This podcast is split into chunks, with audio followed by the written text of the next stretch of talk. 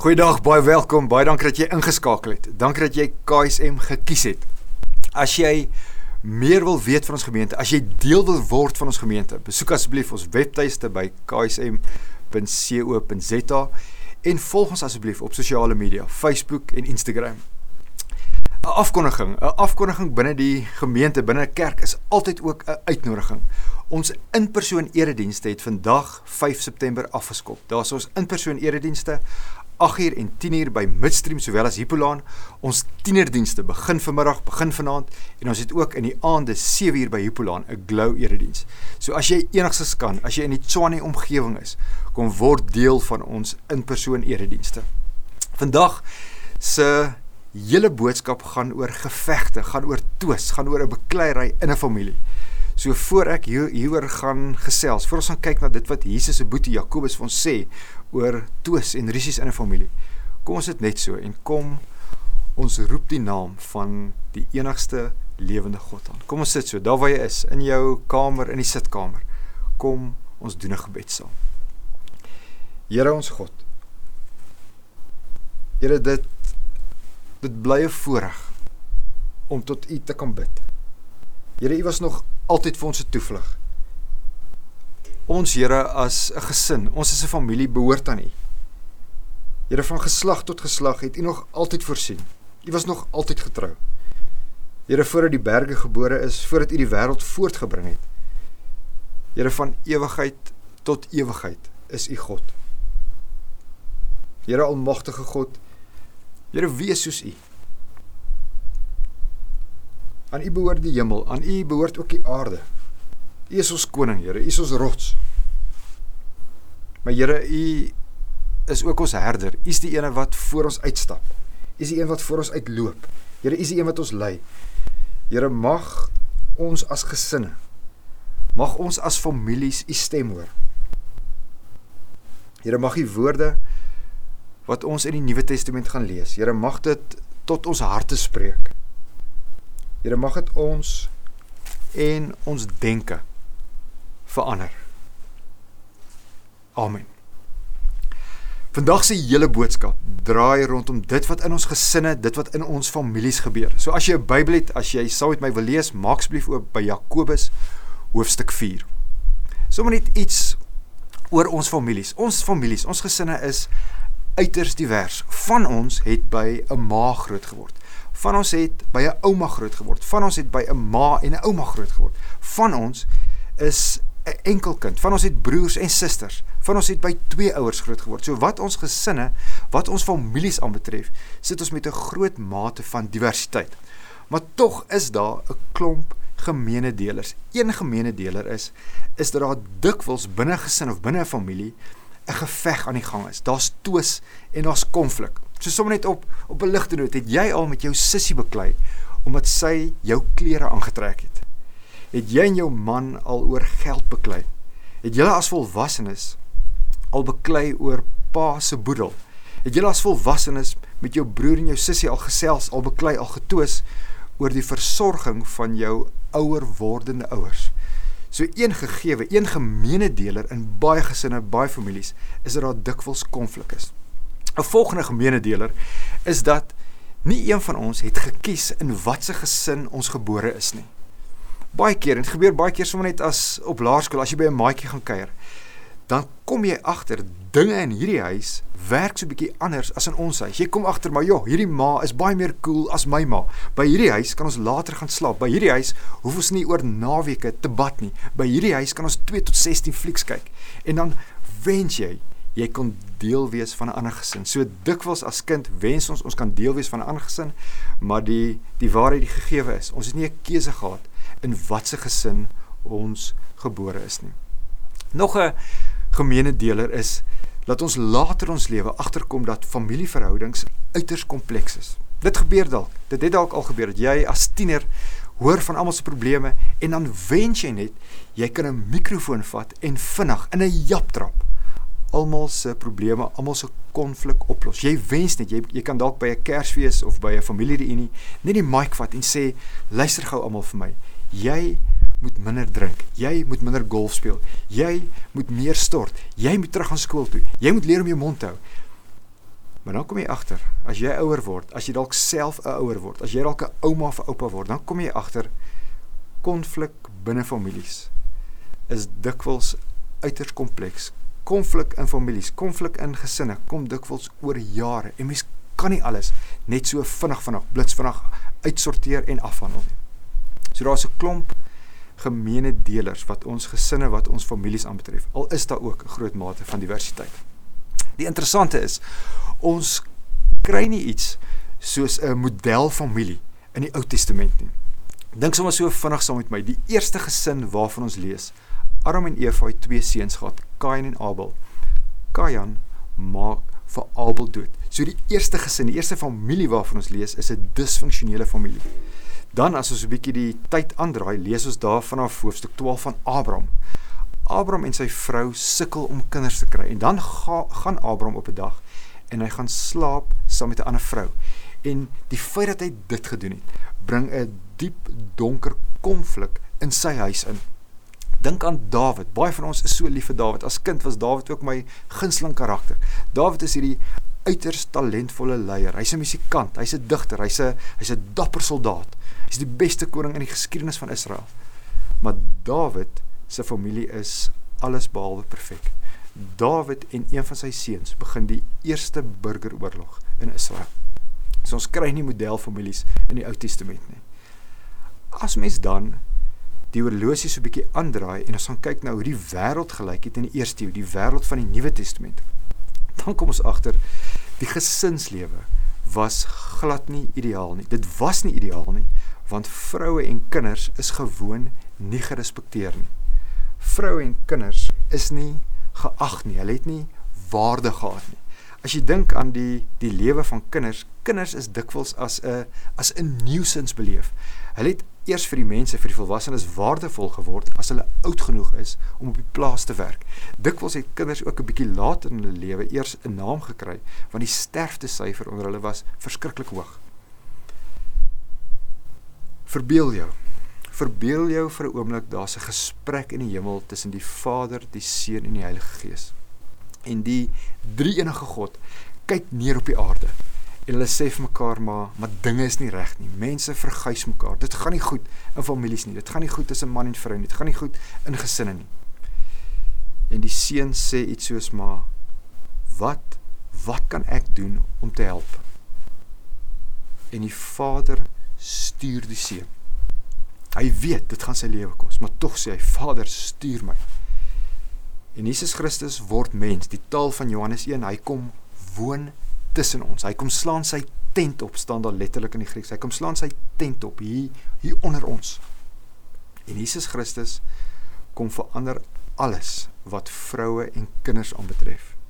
Jesus Christus praat met vroue. Johannes 4. Die ander Joodse rabbies het dit nie gedoen nie. Jesus Christus sluit vroue in sy disippelskring in. Ander Joodse rabbies het dit nie gedoen nie. Ons weet van geen Joodse rabbi wat dit gedoen het voor Jesus Christus nie. Jesus Christus laat ook toe dat vroue sy aardse bediening befonds. So Jesus verander die status van vroue. Dink ook aan Jesus se handel en wandel wat kinders aanbetref. Op 'n dag en is so 'n bekende storie, dis so 'n oorbekende storie dat ons dit dikwels nie meer hoor nie. Op 'n dag is daar klomp mense rondom Jesus. En dan staan 'n klomp ma's, daar's mammas wat wil hê Jesus moet hulle kinders seën. En dan is die disippels kwaad oor en hulle bestraf hierdie mense. Maar dan sê Jesus hierdie hierdie oorbekende woorde. Hy sê laat die kindertjies na my toe kom. Die volwassenes wat daar gestaan het, sou gedink het Jesus is van sy kop af. Hulle sou gedink het maar kinders hoort nie nie. Ons kan al ook sien maar ons wil hulle nie hier hê nie.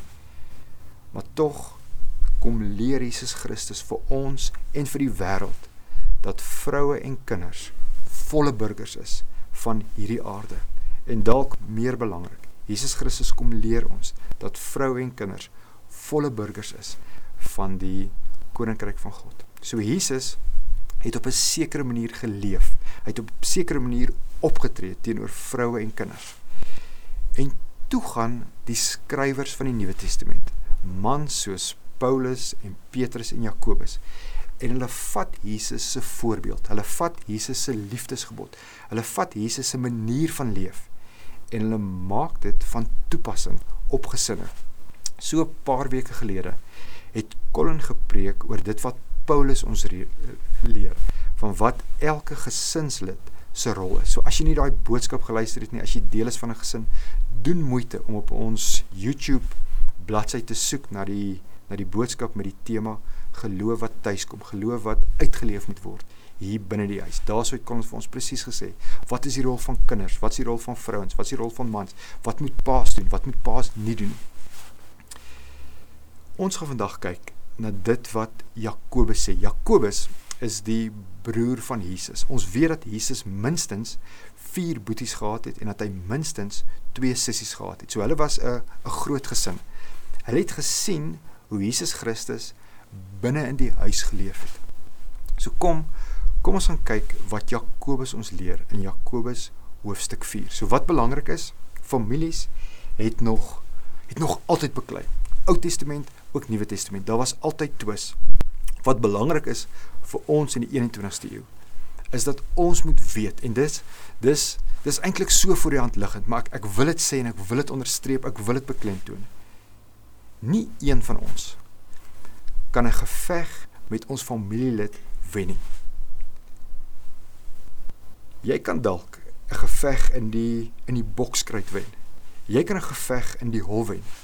Maar ek en jy kan nie 'n geveg met 'n gesinslid of met 'n familielid wen nie. Mans, wat wat bereik jy? Wat wat help dit jou as jy 'n geveg met jou vrou wen? Dames, vrouens, wat wat help dit? Oumas, wat help dit jou? Wat het ons bereik as jy 'n geveg met jou skoonma of met jou skoondogter gewen het?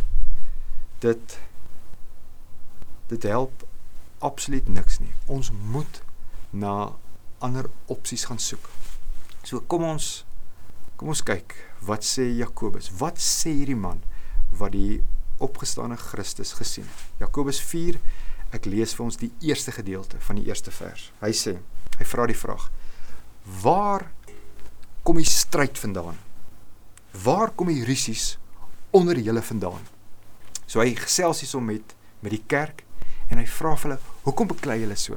Julle die Die interessante is, as jy aan enige gesin binne jou familie dink en jy vra vir hulle maar, maar hoekom beklei julle so? Gaan daar iets gebeur? Hulle gaan die vinger vat en hulle gaan begin vingerwys. Hulle gaan sê want dis hy, dis sy, dis julle, dis hulle. Ons blameer dikwels ander mense as die vraag gevra word maar hoekom beklei ons so? Wat doen ons? Ons sal sê maar, maar sy, sy kan nie met geld werk nie. Hy, hy's te lief vir die bottel. Hierdie kind vir my man, hy's nie te lui. So ons plaas altyd die skuld op ander mense. En ons dink dikwels, ons dink dit as as hulle maar net na my wil luister, as hulle maar net my opdragte wil uitvoer, dan sal daar vrede en harmonie in hierdie gesin van ons wees. So Jakobus vra vir die vir die mense, "Hoekom beklei julle so?" En dan soos sy boetie, soos Jesus wat die Christus is, antwoord hy sy eie vraag met 'n vraag en hy doen dit om te wys hy uit insig in hierdie saak. Kom ons kyk wat wat is sy antwoord. Hy sê kom dit nie van julle selfsugtige begeertes wat gedurig binne in julle woed nie. As ons en verbeel jou net vir 'n oomblik, jy kan vir 5 minute 'n koffie by Mug and Bean saam met Jakobus drink. As as hy die die vraag sou moet antwoord. Hoekom is daar soveel gevegte? Hoekom is daar soveel soveel twis in ons families? Dan sal Jakobus sê want jy is selfsugtig. Daar's iets, daar's iets in jou en dit is 'n stuk selfsug en dit is die rede hoekom jy so beklei. As Jakobus dit vir ons by Mug and Bean sê, sal ons dalk vir hom sê, Jakobus, jy oorvereenvoudig dinge nou. Jy ken nie my familie nie. Jy ken nie my swaar nie. Jy ken nie my skoonma nie. Maar Jakobus sal sal op sy mooi, liefdevolle manier sê, nee. Jy selfsugtig daar's iets, daar's ietsie binne in jou en dit is die rede hoekom jy so beklei. En ons sal hom so half in die rede val en sê, "Nee, skus Jakobus, jy maak 'n fout. Daar's nie iets binne in my nie. Daar's iets binne daai ene. Daar's iets binne daai gesinsel. Daar's iets binne daai familielid." Maar Jakobus sal voet by stuk hou en hy sal sê, "Die rede hoekom daar so baie bekleierery in jou familie is, is omdat jy selfsugtig is. Daar's 'n stuk selfsug hier in jou binnekant." Julle dit dit los ons met werk wat gedoen moet word. Ek en jy moet volle eienaarskap vat van ons aandeel in die konflik. So, ek dink was so jaar en 'n half gelede gesels ek met 'n man. Sy huwelik is op die rotse. En hy sê toe hy maak toe die interessante stelling. Hy sê so so 70% van dit wat in sy huwelik gebeur is sy skuld. Hy het 'n 70% aandeel. Nou dit maak nie saak wat jy dink jou aandeel in hierdie geveg en hierdie twis is nie. Al dink jy net jou aandeel is 2% of al dink jy net jou aandeel is 5%. Ek en jy moet volle eienaarskap vat van ons aandeel in die konflik. Ons moet dit omhels en ons moet daarmee werk. Jakobus is egter nie klaar nie. Kom ons kyk wat sê hy in vers 2. Jakobus 4 vers 2.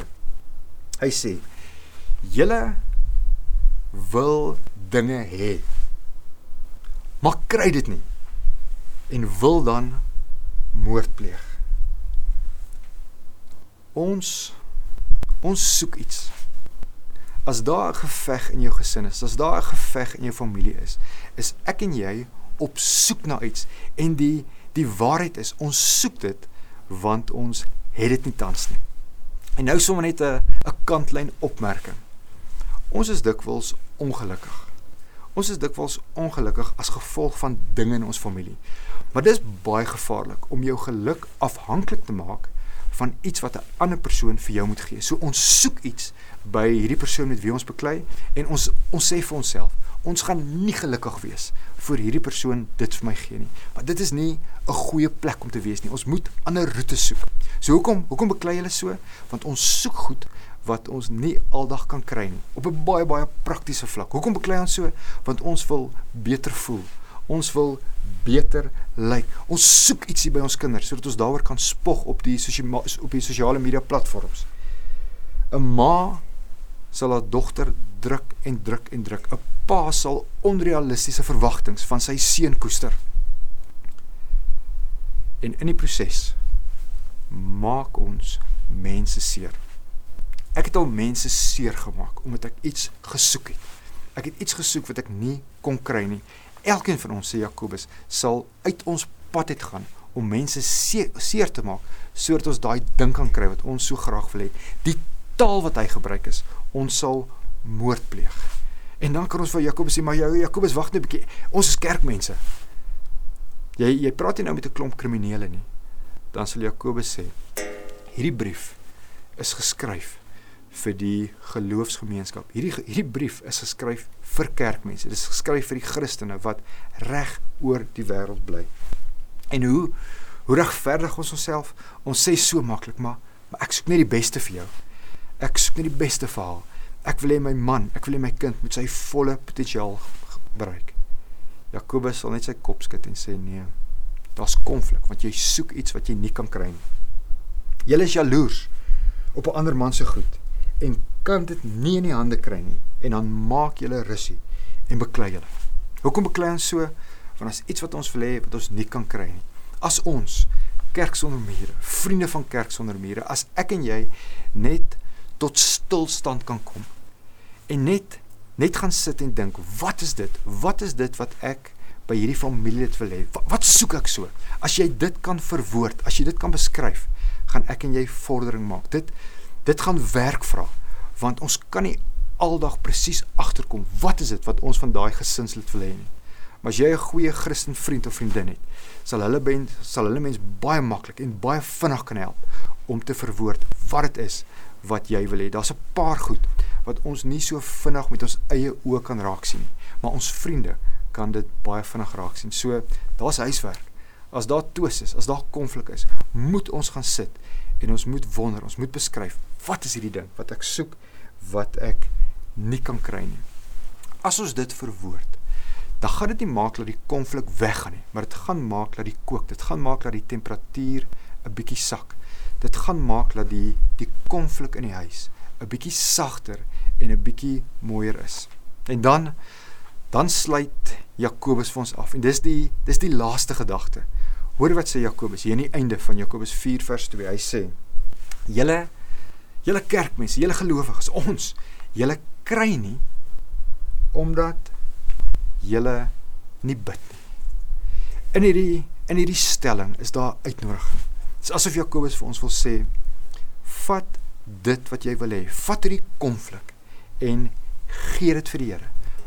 Bid daaroor. Gesels met die Here daaroor, want as ons dit vir die Here gee, en hier is nou baie prakties. As ons dit vir die Here gee, stap ons sonder dit in die bokskruit in. Ons stap sonder dit in die geveg in.